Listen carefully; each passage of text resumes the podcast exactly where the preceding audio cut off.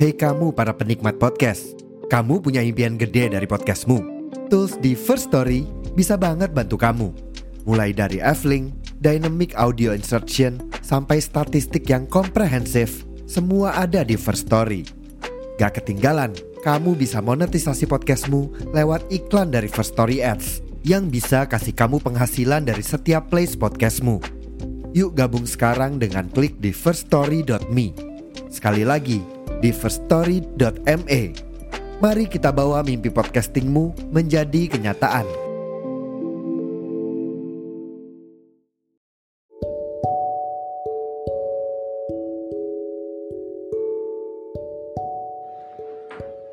Kadang gue ngerasa gue bukan apa-apa.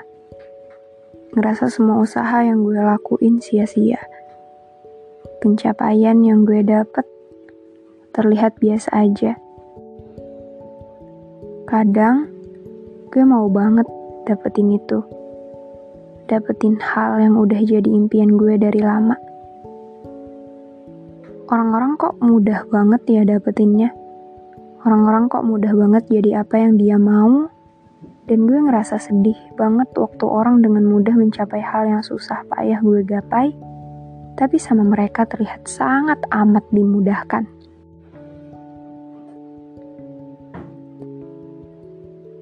Orang-orang dapetinnya kayak effortless banget. Gak bohong, usaha mereka juga berat dan banyak hal yang udah mereka laluin. Banyak hal yang udah mereka lewatin. Tapi mereka bisa sampai di titik itu. Sedangkan gue, gue gak tahu apa yang salah dari usaha gue.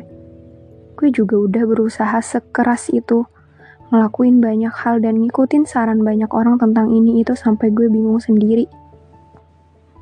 Tapi mana hasilnya? Hasil yang gue dapet nggak ngebayar apa pun. Gue ngerasa hasil yang gue dapet nggak sebanding sama usaha gue. Dibanding mereka yang sama berusaha, tapi kelihatan hasilnya. Gue pun kadang masih mikir kalau usaha gue emang kurang, tapi hal-hal itu nggak nyelamatin apa-apa. Banyak hal yang gue lakuin dengan lebih keras. Gue maksa dan nge-push diri gue sendiri untuk membuktikan gimana hasilnya. tapi pada kenyataannya emang sama. Gue ngerasa ini sia-sia.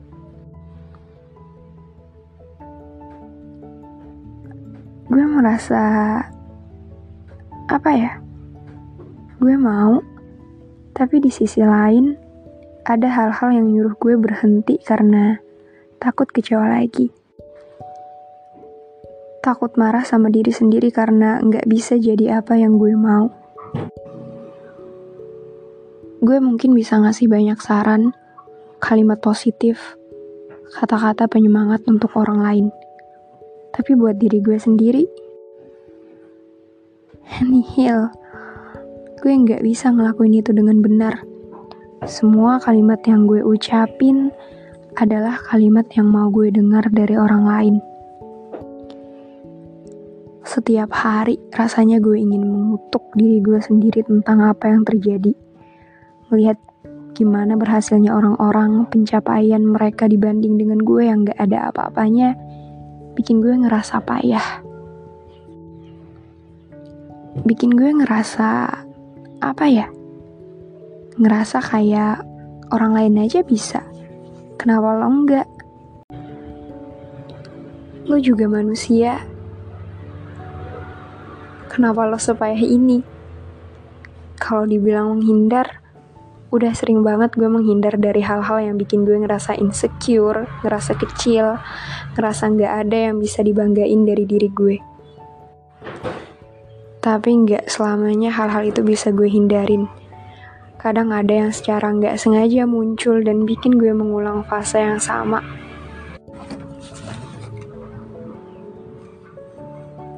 Berulang kali juga gue berusaha melakukan penerimaan, berusaha mencintai diri gue sendiri, berusaha menghargai apa yang udah gue capai dan punya selama ini.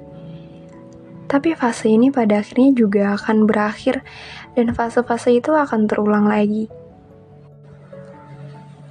Jujur capek, merasa bahwa harusnya gue bisa lebih, tapi pada kenyataannya gue biasa-biasa aja. Gue mau mengeluh, mau teriak sekencang mungkin kalau ternyata jadi orang dewasa nggak semenyenangkan bayangan gue waktu kecil. Padahal hal-hal kayak gini nggak harus jadi hal serius, nggak harus dimasukin pikiran. Tapi kadang ya mau kayak orang juga. Orang kok larinya kenceng-kenceng ya? Gue ngos-ngosan ngejarnya. Istirahat sebentar aja ketinggalannya banyak. Apalagi kalau gue nggak lari sama sekali.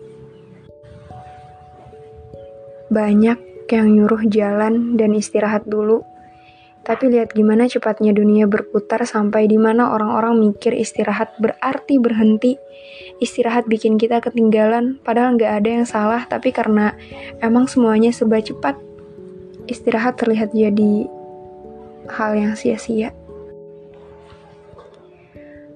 Setelah gue telusuri, ada hal di mana sesuatu ini jauh lebih menenangkan dibanding ketika semua mimpi-mimpi itu terkejar dan menjadi kenyataan adalah semua hal dalam hidup merupakan campur tangan Tuhan.